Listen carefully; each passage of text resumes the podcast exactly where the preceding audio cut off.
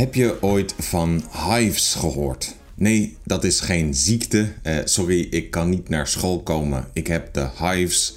Het was de eerste vorm van sociale media in Nederland. En dan bedoel ik de sociale media zoals wij die nu kennen als Facebook en Instagram. Hives was een Nederlandse versie daarvan. De naam Hives komt van het Engelse beehive of in het Nederlands bijenkorf. Het werd gespeld met een Griekse ei en niet met een i, omdat de oprichters bang waren dat mensen aan de ziekte HIV zouden denken als ze het met een i zouden spellen. Het was een veelgebruikt medium in Nederland, maar omdat internationale sites als Facebook uiteindelijk populairder werden, moest het in 2013 stoppen. Het had nog te weinig gebruikers om verder te gaan. Gelukkig heeft deze podcast niet te weinig gebruikers om verder te gaan. Eh, bedankt voor het luisteren. Ik ben Martijn, docent NT2 en ook NT1, want ik geef ook Nederlandse les aan Nederlanders. Ik houd van taal en ik houd van de Nederlandse taal en maak deze podcast om jullie te helpen met jullie Nederlands. Word lid van de Patreon, dan krijg jij twee extra podcasts per maand en een PDF met de transcripties en meer. Dat kost 3 euro per maand. De prijs van een kopje koffie. Eh, waar ik woon, de koffie is hier duur. Eh, heel erg bedankt als je al Patreon-lid bent. En dat zeg ik altijd, maar ik meen het natuurlijk. En ik zie jullie vragen op Spotify ook. Ik kan helaas niet reageren via Spotify. Zo werkt het systeem. Maar ik lees de berichten altijd. Ik schrijf de suggesties op. Die komen op de agenda voor volgende podcasts. De eerste hivers waren familieleden en vrienden van de oprichters. Om de site populairder te maken volgden ze het advies van de Amerikaanse schrijver Malcolm Gladwell. Ze deden hun best om de site eerst populair te maken onder studenten. Dat zijn over het algemeen mensen met veel contacten die van nieuwe, hippe dingen houden. Dat werkte goed. Na twee maanden had Hives haar eerste 3000 gebruikers. Aan het einde van 2004 werd er een nieuwe functie geïntroduceerd Via Hotmail konden leden van Hives met een druk op de knop al hun contacten uitnodigen voor de sociale mediasite. Een half jaar later had Hives meer dan een miljoen gebruikers. Politici gingen op Hives om meer mensen te bereiken en de politie zocht op Hives naar informatie over mensen. Zo werd er iemand gearresteerd die een uitkering had, maar foto's plaatste van zijn vakantie in Thailand. In 2007 werd Hives in Nederland vaker bezocht dan Google. Ik had natuurlijk ook een Hives-account en het leuke aan Hives was dat je je eigen pagina kon ontwerpen. Je kon niet alleen je profielfoto veranderen, maar ook de achtergrond van je pagina en je kon zelfs muziek laten spelen. Dat miste ik toen ik overging op Facebook. Ik ging zelf in 2009 over op Facebook omdat ik in Turkije woonde en niemand van mijn Turkse vrienden natuurlijk een Hives pagina had. Uiteindelijk was het niet alleen ik, maar waren er veel mensen die de overstap maakten naar het internationale platform. Juist het communiceren over de grenzen van je eigen land maakte social media, of sociale media in het Nederlands, eh, interessant. Hives wilde ook wel internationaal gaan, maar dat lukte niet en in 2013 moesten ze het opgeven. Er zijn mensen die tot de dag van vandaag Hives missen omdat het veel persoonlijker aanvoelde dan het steriele Facebook. De website bestaat nog steeds als Hives Games. Je kunt er spelletjes spelen, maar het is geen sociale media site meer. Ik ging zelf dus op Facebook over in 2009, maar toen ik in 2011 begon met werken in Tokio, zat daar niemand nog op Facebook. Ze hadden hun eigen hives die Mixi heette.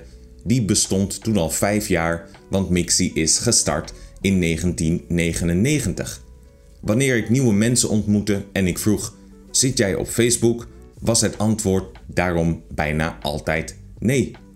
Toch waren veel mensen in Facebook geïnteresseerd als ik ze erover vertelde. Ik denk dat ik uiteindelijk verantwoordelijk geweest ben voor een groot deel van de nieuwe Facebook-gebruikers in Tokio.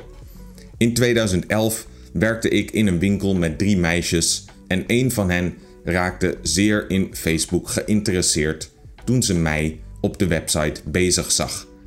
Ze wilde graag allerlei nieuwe dingen leren en contacten met het buitenland maken, dus een internationale social media site paste daar goed bij. Ik heb haar geholpen om een account te maken. Een week later had ze al 500 vrienden. Geen Japanners natuurlijk, want die gebruikten Facebook nauwelijks. Het waren allemaal buitenlandse mannen die reageerden op de profielfoto die ze gebruikte, die nog was van toen ze model was. Ze kreeg intieme berichtjes van hen, die ze niet kon beantwoorden omdat ze geen Engels sprak. Dat was mijn eerste kennismaking met de minder gezonde kant van social media. Toen ik op Facebook begon, vond ik het leuk om zoveel mogelijk vrienden te verzamelen, dus ik vroeg iedereen die ik tegenkwam of ze op Facebook zaten.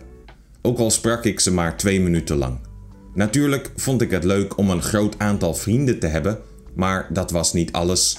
Ik was en ben nog steeds kunstenaar en voor mij was het heel nuttig om veel mensen te kennen. In Japan hebben ze daar een grappige uitdrukking voor Kaoga Hiroi. Dat betekent je hebt een breed gezicht. Veel mensen kennen je gezicht, dus jij kent veel mensen.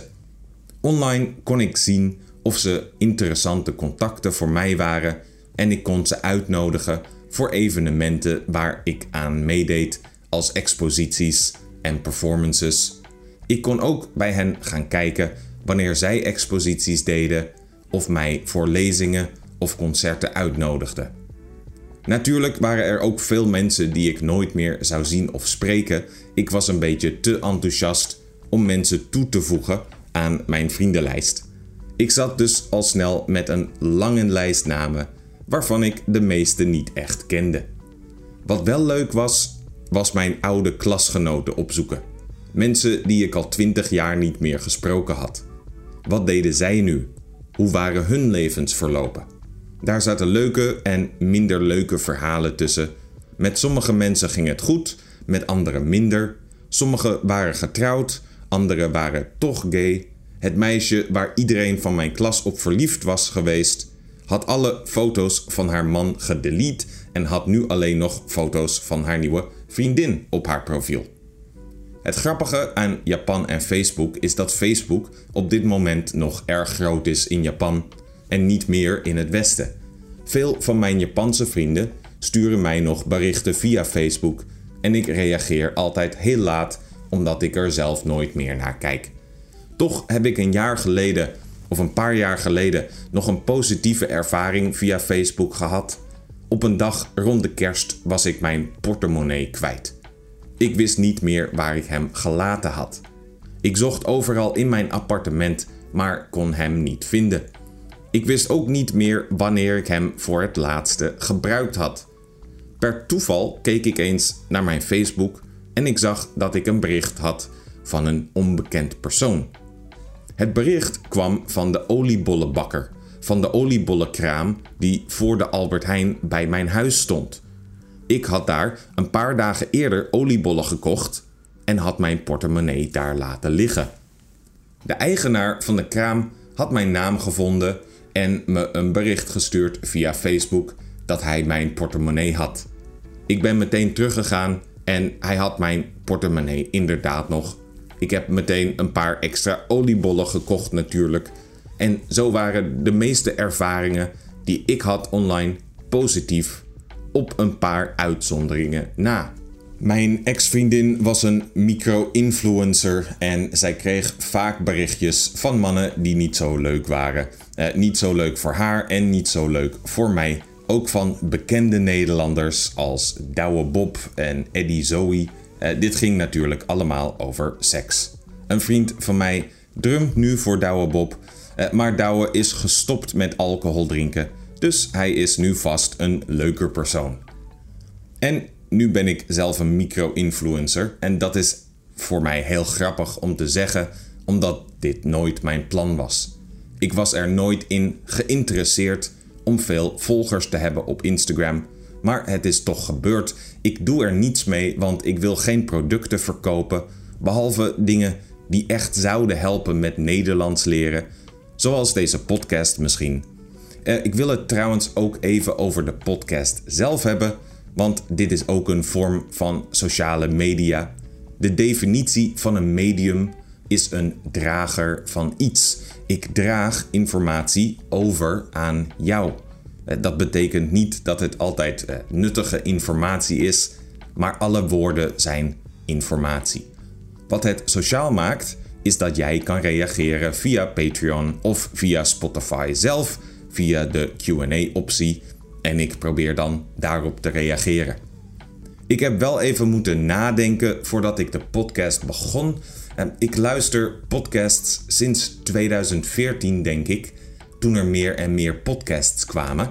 Het was voor mij heel interessant, uh, een interessante trend, omdat ik een nieuwsgierig persoon ben en omdat ik toen veel schilderde. Dat kon ik urenlang doen, dus dan waren podcasts een perfecte achtergrond. Dan kon ik dingen leren en tegelijkertijd dingen maken.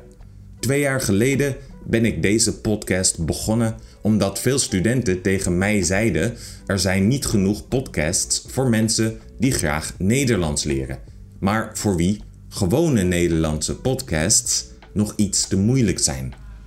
Waarom moest ik dan even nadenken of ik zelf een podcast wilde beginnen? In de eerste plaats is het natuurlijk veel werk om een podcast te doen.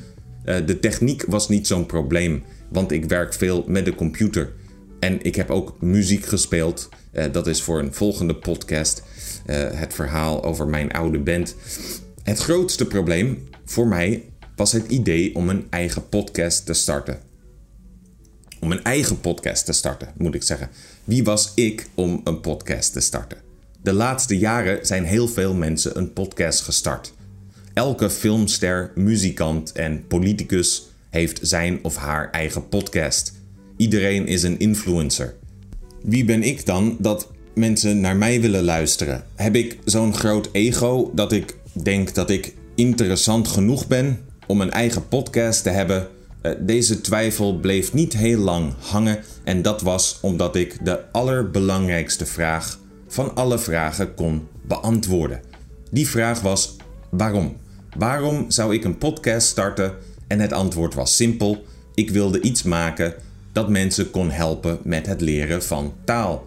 Ik houd zelf ook heel veel van taal en dat is nu, twee jaar later, nog steeds mijn motivatie. Ik voel me nog steeds een beetje zelfbewust wanneer ik achter de microfoon ga zitten. Dan denk ik: wie wil er nu naar mij luisteren? Ben ik wel goed genoeg? Ik denk dan altijd even: misschien zullen mensen mij uitlachen als ik dit doe. Vroeger op school ben ik namelijk gepest. Maar ik denk op dat moment ook. Misschien helpt het iemand als ik dit maak en dan zet ik me over mijn twijfels heen. En dan begin ik met praten. Toen ik begon wist ik natuurlijk niet of er echt mensen waren die naar mijn podcast wilden luisteren. Mijn studenten vroegen wel om een podcast, maar ik wist niet of zij de enige waren. Je kunt er nooit vanuit gaan dat de verhalen die jij hoort ook representatief zijn voor de rest van de wereld. En ja, de wereld. Er wordt in meer dan 75 landen naar deze podcast geluisterd. Uh, met een medium als Spotify kun je natuurlijk internationaal mensen bereiken. Wat fantastisch is. Vergeet niet dat ik in mijn werkkamer zit op 8 hoog in Amstelveen. Als ik mijn armen uitsteek, kan ik bijna de muren aanraken aan beide kanten van mij. Ik praat tegen een microfoon die op mijn bureau staat tegen de muur aan. Ik kijk naar het script op mijn computerscherm. Ik hoor of zie niemand. En dan zie ik later dat er duizenden mensen naar mij hebben geluisterd. Dat is een heel vreemd idee. En dan kom ik bij het laatste onderwerp waarover ik wil praten in deze podcast. Ik wil niet ingaan op de discussie over de gevaren van sociale media, over de risico's van verslaving en wat het met het brein van kinderen doet. Er zijn goede documentaires over dat onderwerp, zoals The Social Dilemma dat je op Netflix kunt kijken. Ik wil het een moment hebben over het medium zelf. En wat bedoel ik daarmee? De Canadese filosoof Marshall McLuhan heeft ooit gezegd: het medium is de boodschap. Daarmee bedoelde hij dat het medium dat we kiezen om een boodschap over te brengen een grote invloed heeft op de boodschap zelf. Dezelfde boodschap zal dus via verschillende media een andere inhoud krijgen. Een voorbeeld is film. Een film kijk je op een scherm. Dit kan een klein scherm zijn of een groot scherm. Afhankelijk van hoe groot het scherm is, zul je een beetje een andere mening over de film hebben. Als jij bijvoorbeeld Oppenheimer in een IMAX bioscoop kijkt en ik kijk hem op het televisietje in de stoel voor me in een vliegtuig, zullen we andere ideeën hebben over de film omdat het medium anders is. Als ik de film thuis kijk op een grote televisie, zal ik weer een andere mening hebben. Ook al is mijn scherm net zo groot als dat in de bioscoop. Het verschil is dan dat ik niet de ervaring heb van het reizen, het kopen van een kaartje en popcorn en niet met een grote groep andere mensen zit die ik niet ken. Dat kun je leuk vinden of niet. Het belangrijke om te onthouden is dat dit je ideeën over de film ook beïnvloedt. Denk nu aan het theater.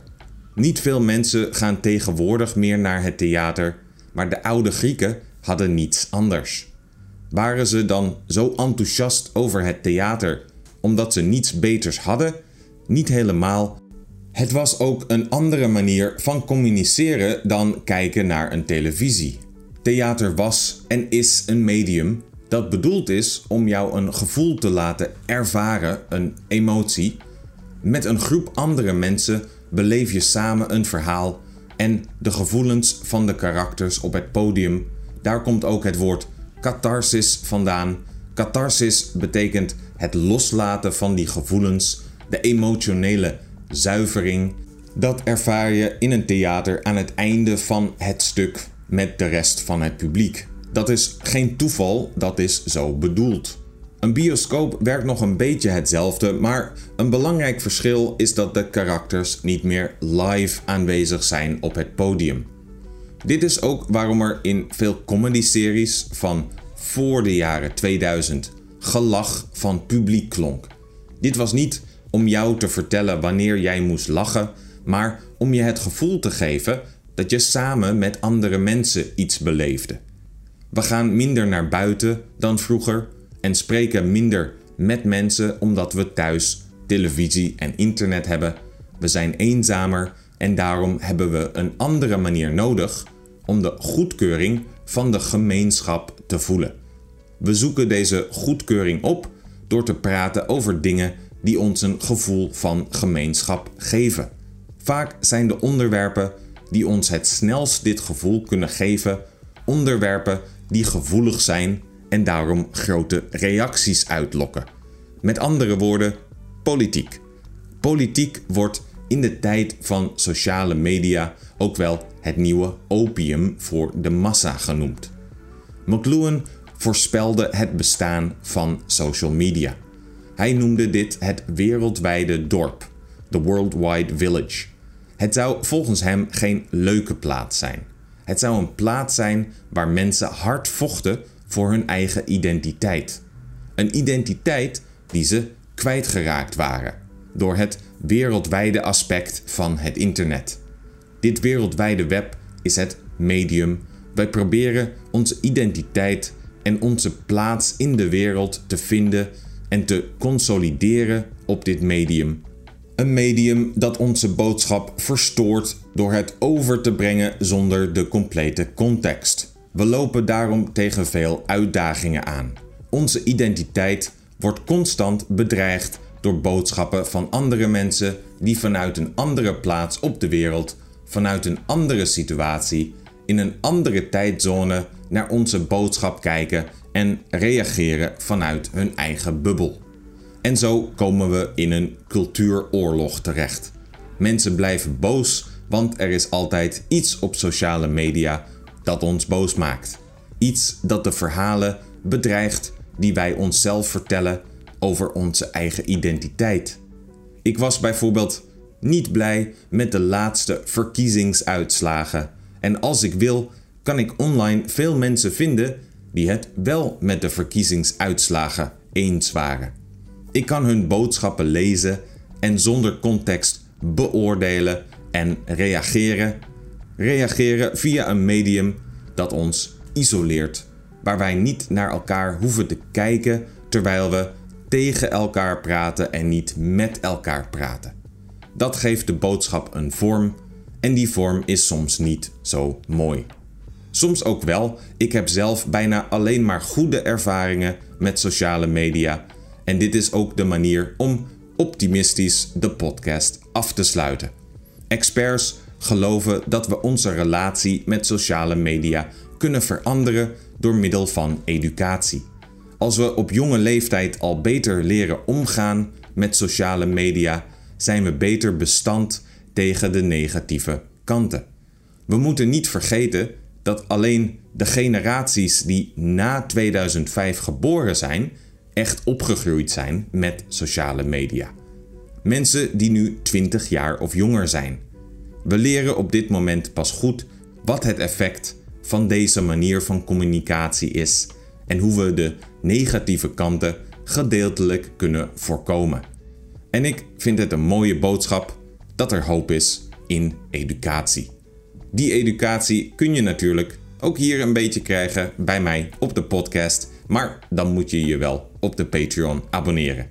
Dan hoor je volgende week weer van mij. Tot dan. Doei!